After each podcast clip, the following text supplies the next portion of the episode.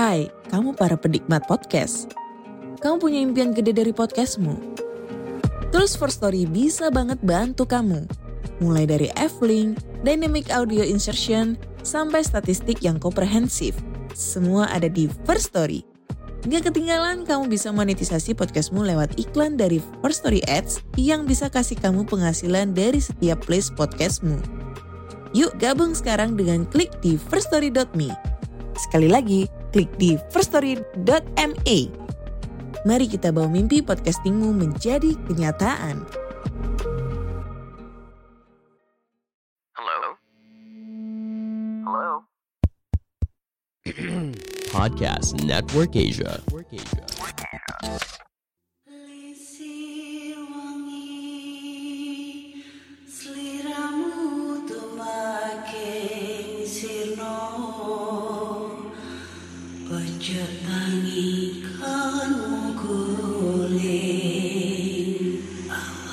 Jo ngetoro Aku lagi bang wingo wingo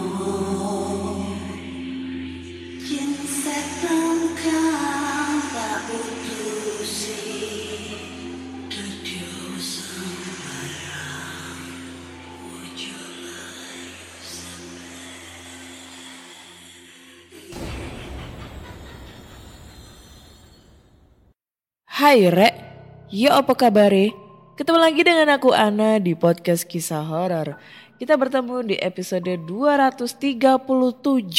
Dan di episode kali ini aku akan membacakan cerita horor ataupun email berhantu yang sudah dikirimkan teman-teman melalui podcast kisah horor at gmail.com atau di Instagram podcast kisah horor serta Google Form yang linknya tersedia di bio Instagram podcast kisah horor. Jadi nggak perlu banyak berbahasa basi lagi ya, nggak usah terlalu banyak bacot di episode kali ini karena takut nanti. gue takut sebenarnya. Gue agak sensi kalau dibacotin terlalu banyak eh terlalu intronya terlalu kepanjangan, tertar- terlalu berbelit-belit dan lain-lain. Jadi yaudah deh masuk aja ya ceritanya. Gue orangnya baperan. Canda baper. ya udah deh, langsung aja kita masuk ke cerita. Cerita pertama ini datang dari Caca. Judulnya adalah Ajakan. Hai Kak Ana, kenalin nama aku Siska atau biasa dipanggil Caca. Jadi aku mau cerita salah satu pengalaman yang sebenarnya sih nggak horor-horor amat, tapi sukses bikin aku takut tidur gelap-gelapan sampai sekarang. Zaman dulu wak- sewaktu masih usia belia, sekitar usia sebelasan, kebetulan rumahku direnovasi. Tapi karena kami nggak ada tempat buat numpang, sementara jadilah kami ting kami tetap tinggal di rumah. Proses renovasinya sendiri otomatis dibagi menjadi dua bagian. Bagian pertama yang direnovasi itu bagian dapur. Setelah dapur selesai, direnovasi, pindahlah kami dan semua barang-barang bagian depan eh, rumah itu dipindah ke dapur.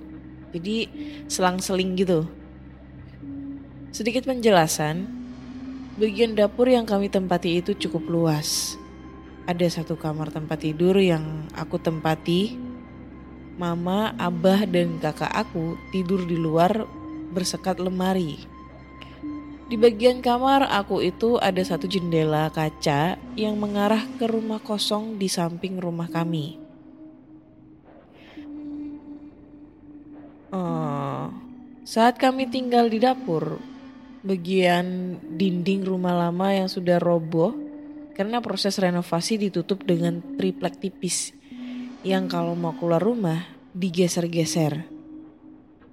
Nah dulu belum ada ketekan lampu, semua serba darurat. Kalau nyalain lampu, cabut colok di saklar listrik. Jadi kalau dicabut, semua lampu mati. Nah karena mama, abah plus kakak aku emang hobi tidur gelap-gelapan, otomatis aku juga ngikut dong. Dulu biar nggak terlalu gelap, aku selalu buka gorden kamar biar cahaya bulan bisa menerangi hati ini. Wah, maksudnya memberi sedikit cahaya ya kak. Suatu malam, aku tidur dengan keadaan gelap. Gorden jendela dibuka dan di luar hujan deras. Aku kebangun dong karena suara kencang air yang turun dari atap genteng rumah darurat itu. Pas aku bangun, aku ngeliat ada tangan melambai di jendela. Aku bangun dong. Aku kira itu maling. Kagak tahu entah dorongan apa, aku berani bangun buat ngecek. Pas aku lihat, ada cewek baju putih. Mukanya aku lupa gimana. E, bicaranya itu kayak ngajak main. Kira-kira gini nih kata-katanya. Siska, kita leladangan yuk. Aku kada dada kawan. Di rumahku banyak mainan. Jadi bahasa translate-nya, Siska, kita main masak-masakan yuk. Aku gak punya temen. Di rumahku banyak mainan. Aku takut setengah mati. Lalu aku ngomong gini nih, e, nanti nggak diizinin mama. Terus aku rebahan, bertutup selimut, coba buat tidur dan melupakan ketakutan tadi. Gak lama, ada sesuatu yang jatuh di kaki aku. Gila, aku tuh kaget banget waktu itu. Bentuknya bulat, lebih kecil dari sepak bola sepak, menggelinding dan berbulu. Merinding disko sekujur badan. Setelah itu aku lari keluar sambil nangis minta lampu diterangin. Mama, abah ngeyakinin itu tikus. Tapi yang namanya takut, ya gimana? Ditambah punya kakak, e, nambah aku takut ngatain itu kuyang. Sebenarnya aku lupa-lupa ingat dengan kejadian itu. Tapi aku takut tidur dalam keadaan gelap. Sampai sekarang kalau mau tidur kaki selalu ditekuk. Mungkin ini bukan pengalaman yang horor-horor amat. Tapi ini satu pengalaman yang gak pernah aku lupa dan membekas sampai sekarang. Oh ya, sehabis kejadian itu, aku sering ngerasa merinding sekelebat kalau uh, merinding, sorry, merinding ketika ngelihat sekelebat ngelewat gitu kalau di rumah sendirian. Tapi setelah rumah selesai direnovasi dan diadakan selamatan sampai sekarang gak pernah ada kejadian aneh di rumah lagi. Terima kasih terima kasih Kak Ana sudah dibacakan. Mohon maaf jika ceritanya kurang seram, penulisannya uh, dalam tanda bacanya kurang pas dan semoga pengalaman horor ini bisa menambah dosis horor buat pendengar podcast kisah horor. Thank you Caca buat ceritanya. Uh, itu hal yang biasa sih. Eh, tapi si Caca ngirim foto ini. Ngirim foto apa namanya? Keadaan jendelanya itu sama yang rumahnya ditutup pakai triplek. Cuma dia nggak mau untuk di-share ya. Jadi kalau aku ngelihat foto. Ini aku cuma ngejelasin aja ya. Ini aku ngeliat foto yang dia kirim yang jendela. Terus depannya eh, depannya itu di apa depan jendelanya itu rumah kosong. Ya serem banget anjir rumahnya. Jadi yang rumah kosong dia ceritakan ini rumahnya itu terbuat dari kayu. Mungkin lebih tepatnya kayak gudang tapi aku nggak tahu ini gudang apa rumah dulunya. Jadi dindingnya itu dari kayu Cuma udah kosong banget, udah usang, udah kayak rapuh banget kayunya, terus pintunya itu juga udah lumutan banget. Jadi bisa dibilang ini mungkin dipakai gudang kali ya. Terus foto kedua ini foto rumahnya dia, e, dindingnya itu ditutupin pakai triplek. E, aku lihat foto yang kedua ini tuh uh, atapnya, atapnya udah mau rubuh. yang rumah kosong tersebut terus banyak banget kayak semak-semak gitu atau tanaman liar yang apa ya yang menggelantung di area dinding sama atap rumah. Jadi kayak udah mau roboh gitu atapnya. Atapnya dari seng sama kayu gitu, terus ada genteng-genteng yang udah lama. Ya bisa dibilang serem sih ini emang rumahnya. Ya kalau bisa mah direnovasi gitu atau dirubuhin deh. Serem. Tapi kalau pengalamannya Caca nih tentang uh, sekelebat kalau dia merinding ngelihat sekelebat ya itu ya hal yang wajar ya kita semua juga kayak gitu sih sama aja kayak gue walaupun gue belum pernah ngelihat sosoknya secara real ya tapi kalau gue ngelihat kayak ada sekelebat gitu sekelebat cepet banget kayak dulu gue pernah cerita itu waktu di kamar. Itu ya tiba-tiba gue merinding. Cuma abis itu ya udah. Merindingnya tuh cuma sepersekian detik gitu terus udah. Pokoknya intinya kayak langsung merinding langsung deg-degan gitu tapi udah selesai gitu. Nggak berkelanjutan. Sama aja sih itu juga kayak apa ya? Naluri aja sih sebenarnya. Nah kalau kejadian setiap mau tidur kakinya diteng diteku itu kayak kejadiannya temen aku nih. Jadi dulu tuh temen aku pernah cerita. Waktu kita zamannya masih sekolah di formasi kediri tuh ya uh, kita kan rata-rata di sana tuh kan mayoritas itu kan ini uh, orang rantauan semua gitu ya apa ya anak yang luar daerah gitu sekolah di situ gitulah intinya. Nah uh, waktu itu kalau nggak salah ke Idul Fitri atau Idul Adha gitu katanya kakak-kakak apa kakak-kakak kosnya pokoknya semua teman-teman kosnya itu pada mudik semua tinggal dia sendiri nih di rumah kos-kosan karena kos-kosannya ini bentuknya kayak rumah kontrakan jadi nggak ada ibu kosnya karena dia itu orang Flores, karena sekolahku dulu itu kan kebanyakan orang Flores, pokoknya orang NTT lah rata-rata paling banyak mayoritas. Jadi tuh dia nggak pulang, dia di situ sendirian. Nah dia nyoba telepon temennya yang satu daerah buat diajak nginep lah di tempat kos-kosannya. Kalau nggak gitu, dia nginep di kos-kosannya si temennya itu. Nah kebetulan si temennya ini yang mau dimintain tolong itu masih keluar keluar kota. Kalau nggak salah ke Blitar atau ke mana gitu cupi. Tapi cuma sehari katanya ada acara keluarga gitu. Yang kebetulan familinya itu di sana. Udah kan ya udah mau nggak mau dia itu tidur sendirian tuh di kos kosan nah si temenku ini emang anaknya rada penakut gitu. Gue lupa dulu tuh mau cerita ini baru inget nih gara-gara kaki nih. Ya kan? Nah waktu itu katanya sekitar jam 10 apa setengah 11 malam dia tuh lagi telepon-teleponan sama pacarnya. Zaman dulu itu ya tahun 2006 itu aduh gue Nokia 6600 itu udah paling mahal. Tipe Nokia 6600 tuh udah juta-jutaan harganya. Nah zaman dulu tuh juga belum ada WhatsApp, belum ada BBM, belum ada uh, apa ya.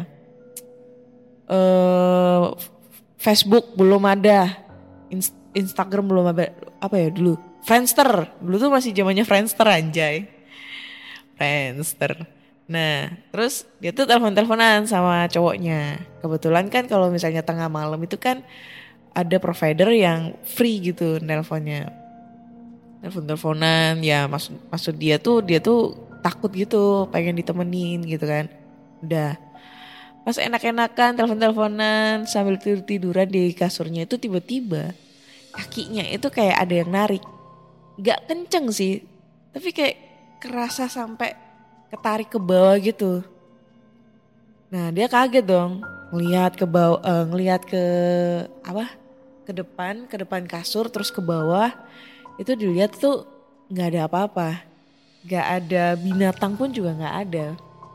Tapi dia tuh kayak mikir, kalau misalnya itu binatang kok bisa gitu loh sampai narik kakinya kencang banget gitu kan.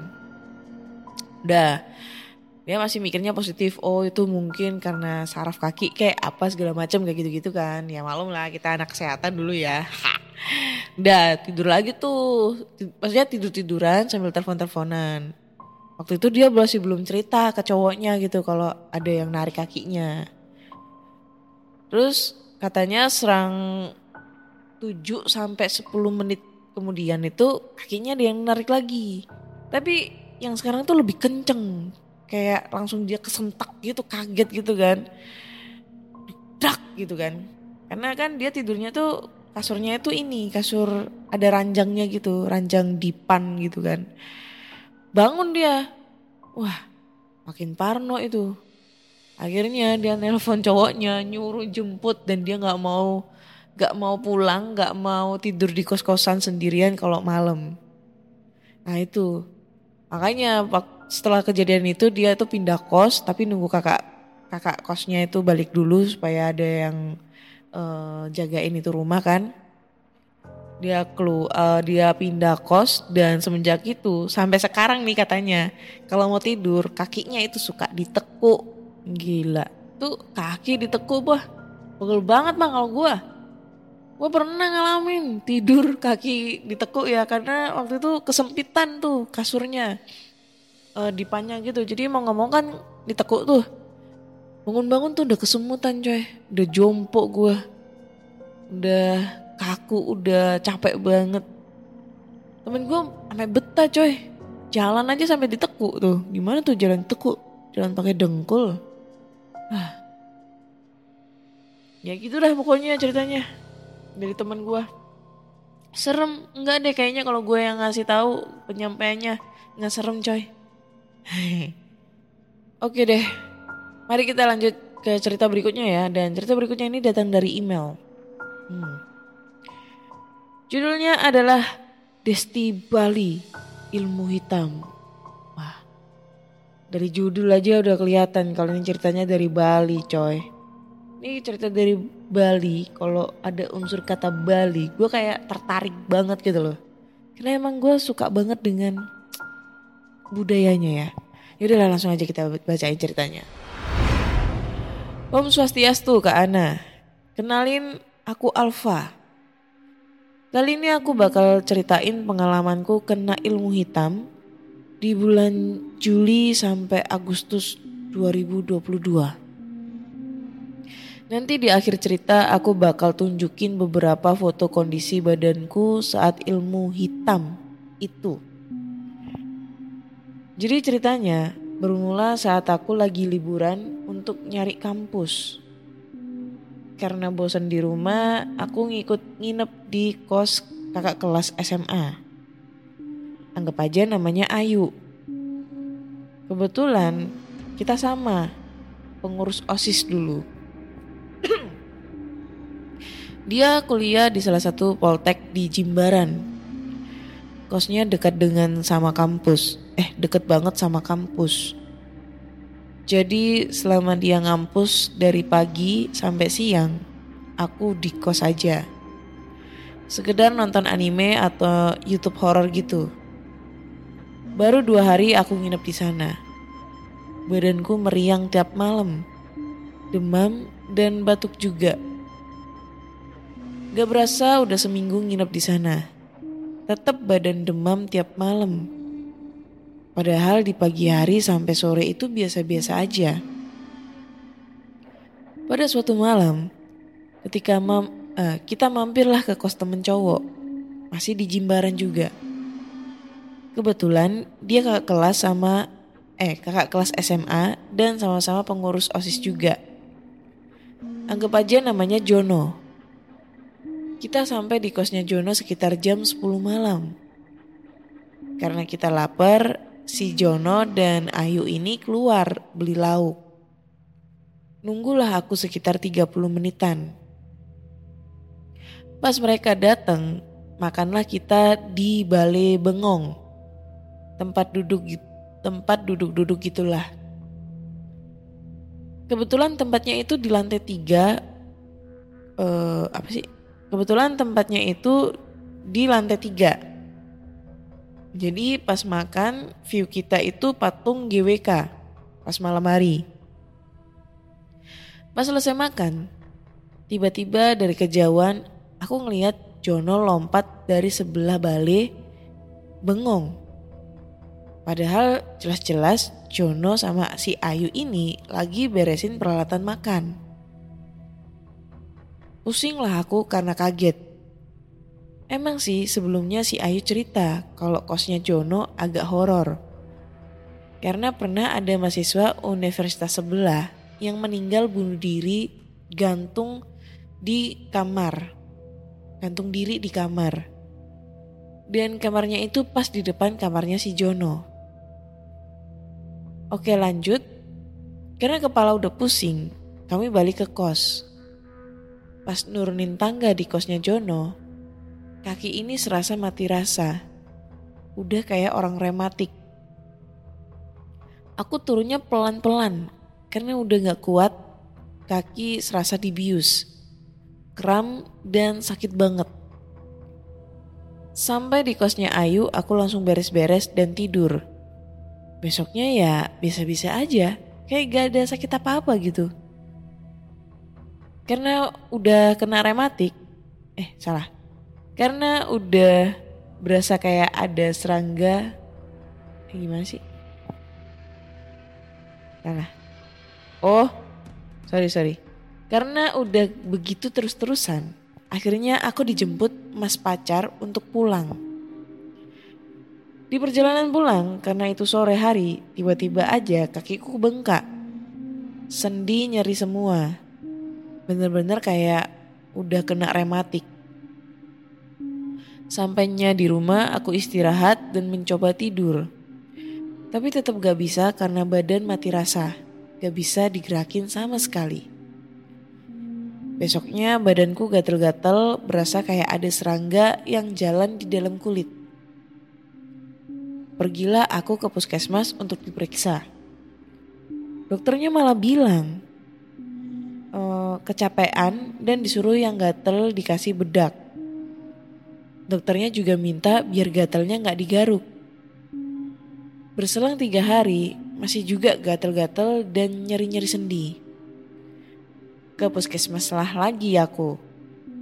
Langsung cek darah karena ditakutkan kalau aku kena DB. Aku ambil darahnya dua kali karena kata dokter yang ambil darah pertama, darahku membeku lebih cepat daripada darah normal. Pas udah dicek, ternyata nggak kenapa-napa. Lalu, oh, ini mana nih? Oh ini, karena udah capek jalur medis, akhirnya digunakan jalur non medis. Malamnya teman bapakku yang bisa dalam tanda kutip itu datang ke rumah buat urut bagian tubuh yang nyeri. Dan dikasih boreh, semacam dulur tradisional yang menimbulkan rasa hangat atau panas. Pas diurut, beliau bilang, Oh, ini ada yang nyakitin. Awalnya mau ngenain bapaknya, tapi nggak kena. Eh, malah ngenain anaknya. Tapi ini cuma kena 20% dari penyakit yang dikirim. Waduh, kena santet gue. Dalam hati udah mengumpat duluan. Karena perasaan keluargaku tuh baik-baik aja. Ya punya nama lah di desa. Pas udah diurut bagian kaki, lanjut ke bagian tangan. Rasanya nyeri pol, kayak diremas-remas uratnya. Padahal katanya cuma dipegang-pegang aja. Gak lama kemudian tiba-tiba ada semacam jarum kecil tipis banget keluar dari jari manis yang sendinya mati rasa. Sontak aku kaget banget dan keluargaku yang lihat juga kaget. Udah diurut semua, badan langsung dikasih boreh. Tapi sampai borenya kering pun badanku gak merasa panas. Sampai temennya bapak bilang, ini udah kelewat sakitnya. Sampai boreh dikasih cabe dan merica pun gak merasa panas.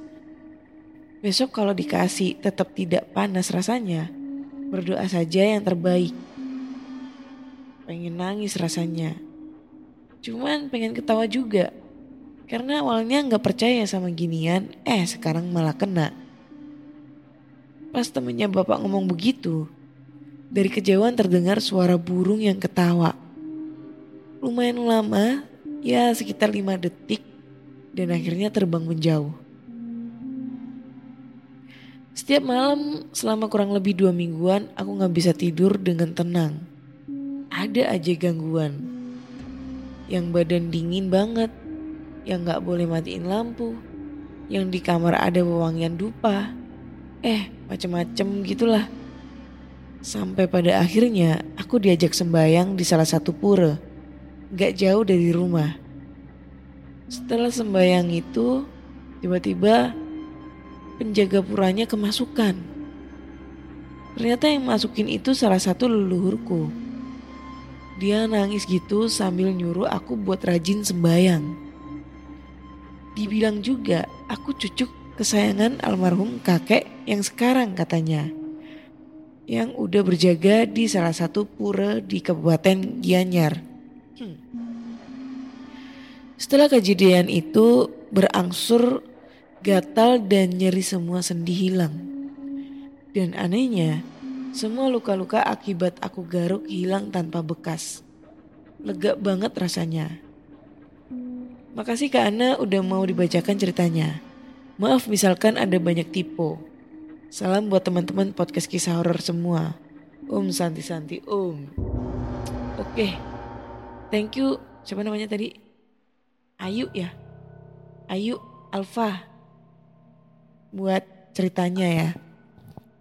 Ini dia ngirim foto eh, kejadian pada saat tangannya sama kakinya itu eh, lagi sakit ya.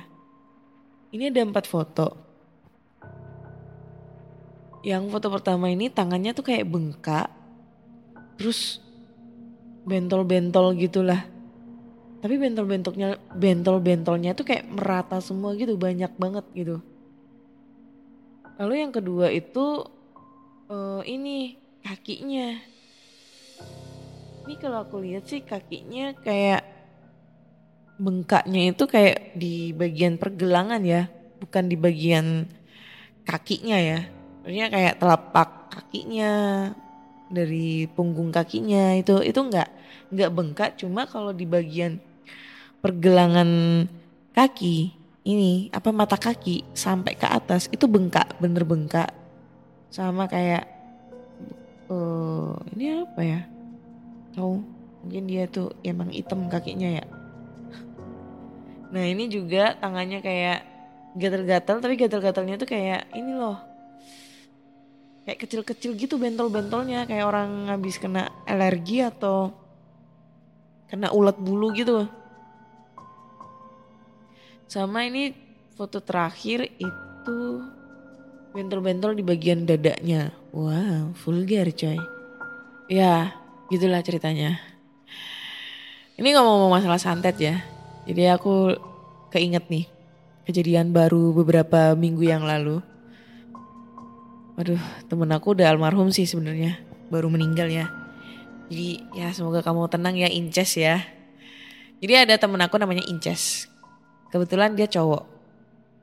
Tapi emang dia agak melambai seperti cewek lah. Manja-manja gitu ya. Nah modelnya kayak lu cinta Luna gitu lah modelnya. Tapi nggak sampai kayak operasi kelamin atau apa gitu. Uh, sampai pada akhirnya dia kemarin sakit satu bulan gara-gara jatuh dari kamar mandi. Sebenarnya jatuhnya tuh bukan jatuh yang sangat keras sekali sehingga kayak ngebuat freeze apa namanya nge-freeze sarafnya gitu enggak. Cuma bentuknya kayak duduk pingsan gitu biasa aja terus tiba-tiba itu uh, koma gitu selama satu bulan. Dibawalah ke RSUD, RSUD, RSUD Dr. Sutomo. Nyampe di sana dicari-cari penyakitnya itu katanya dokternya itu gak ada diagnosa yang sangat serius Maksudnya mungkin dari efek dia jatuh terus ngebuat ngebentur kepalanya kek atau ngebuat apa segala macam itu nggak ada. Karena di dalam tubuhnya kayak di kepala dan lain-lain itu tidak ada luka dalam. Kayak gitu. Dia nggak bisa menyadarkan diri selama satu bulan. Sampai pada akhirnya uh, di lacaklah dengan jalur non medis. Sama nih kayak ceritanya si Alfa gitu kan, non medis dan katanya dia itu dikerjain alias dikirim santet. gue nggak tahu masalahnya kenapa tapi sampai pada akhirnya si temanku ini meninggal eh berapa minggu dua minggu yang lalu lah ya sampai sih ya pokoknya tuh minggu ham, minggu lalu gitulah ya kan? Nah kemudian karena waktu itu aku bisa takziah itu di hari kedua gitu kan waktu dia meninggal ke rumahnya itu adiknya itu cerita sama aku. Mbak kemarin waktu selesai tahlilan ya sekitar jam 9 itu kayak ada suara uh, kakaknya dia si Inces itu kayak manggil-manggil namanya dia. Nisa Nisa gitu. Pokoknya suaranya lirih banget tapi kayak suaranya tuh kesakitan banget gitu. Nah karena si temen eh si temen si adiknya temen almarhum temen aku ini kayak ketakutan dan dia mengira itu emang suaranya kakaknya. Dicari dong suaranya udah dicari-cari-cari nggak nemu. Dan itu berulang-ulang kali gitu loh sampai di hari ketujuh gitu kan. Sampai di hari ketujuh. Gue percaya selama uh, di masa dia meninggal sampai 40 hariannya si arwah dari yang meninggal ini rohnya itu bergentayangan. Dengan maksud kayak pamitan gitulah pamitan sama satu sama lain gitu tapi yang menjadi aneh suara kakaknya ini kayak kesakitan gitu. Sakit kayak merintih kesakitan gitu. Nah, karena mamahnya ini dia, mamanya dia itu kayak masih ragu kenapa anaknya sampai segitunya koma selama satu bulan. Dokter nyari diagnosanya apa tapi nggak ketemu. Dan dibilangnya itu emang nggak ada penyakit serius tapi kenapa kok sampai koma selama satu bulan akhirnya mamanya itu nanya ke orang pinter tapi orang pinternya tuh bukan orang pinter kayak dukun gitu enggak sih lebih kayak ke ilmu putih gitu ya dan pas ditanya, katanya sih anaknya itu atau si temen aku ini itu emang dikerjain sama orang. Kerjainnya itu karena masalah apa dia belum tahu. Padahal temen aku tuh ya sorry tuh saya ya. Dia tuh jadi bencong coy. Tapi emang dia itu uh, ini apa ya bakatnya dia itu di dance gitu jadi kalau dia ngedance itu banyak banget yang nyewa dia gitu untuk penari latar apa segala macam, acara event segala macam. Uh, kayak gitu-gitulah. Nah, dari situ orang tuanya tuh mikir mungkin nih si anaknya itu dikerjain gara-gara masalah persaingan bisnis gitu, persaingan dalam dunia pekerjaan. Sebenarnya sih katanya, katanya nih ya, si paranormal ya gue sebut paranormal ya gue nggak mau ngomong dukun deh. Si orang pinter inilah itu tuh udah tahu orangnya yang mana. Cuma sama si orang pinter ini nggak dikasih tahu ke orang tuanya temen aku. Takutnya nanti menjadi dendam. Kayak gitu guys. Jadi ya buat kalian semua hati-hati deh kalau kalian punya bisnis yang maju dan itu ngebuat iri atau ngebuat saingan lo itu merasa tersaingi dengan konsep kalian padahal jualannya sama kayak gitu-gitu. Jadi kalau saran aku, lu ketemu orang dan lu tahu, eh misalnya ya lu disantet sama orang, tapi santetnya tuh nggak kena sama lu. Terus lu tahu tuh orangnya siapa, lu santet balik aja, kebukin dia, hajar dia, matiin dia. Karena orang seperti itu tuh gak pantas hidup di dunia ini. Gitu ya. Anjing kita punya salah apa-apa dikirimin santet.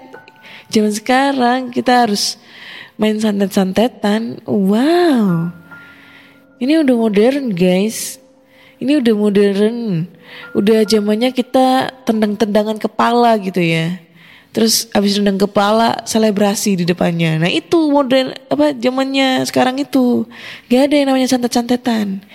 Zaman sekarang adalah nendang kepala terus selebrasi di depannya. Itu baru top berkotop tuh ya. Ha, ha. bonus batuk. Oke Kayaknya cukup sekian dulu di episode 237 ini. Karena waktu sudah menunjukkan menunjukkan pukul 1 lewat 25 dini hari yang tandanya gue udah ngantuk juga ya. Ha. So buat teman-teman semua, kalau kalian punya cerita horor yang menarik atau sama dengan ceritanya si Alfa dan si Caca Marica Hehe itu, Kalian bisa langsung aja kirim cerita kalian ke podcast kisah horror at gmail.com atau di Instagram podcast kisah horror serta Google Form yang lainnya tersedia di bio Instagram podcast kisah horror. Jangan lupa juga tan nyalain tanda notification di platform kesayangan kalian agar sekalian agar kalian selalu update cerita horor terbaru. Follow juga podcast kisah horor di Spotify, Google Podcast, Apple Podcast, Reso, Pogo, dan semua platform podcast kesayangan kalian didengerin podcast kisah horor ya. Kasih rating bintang 5 nih untuk PKH di Spotify agar gue lebih semangat lagi ya. Oke, terima kasih akhirnya saya undur diri dan bye-bye.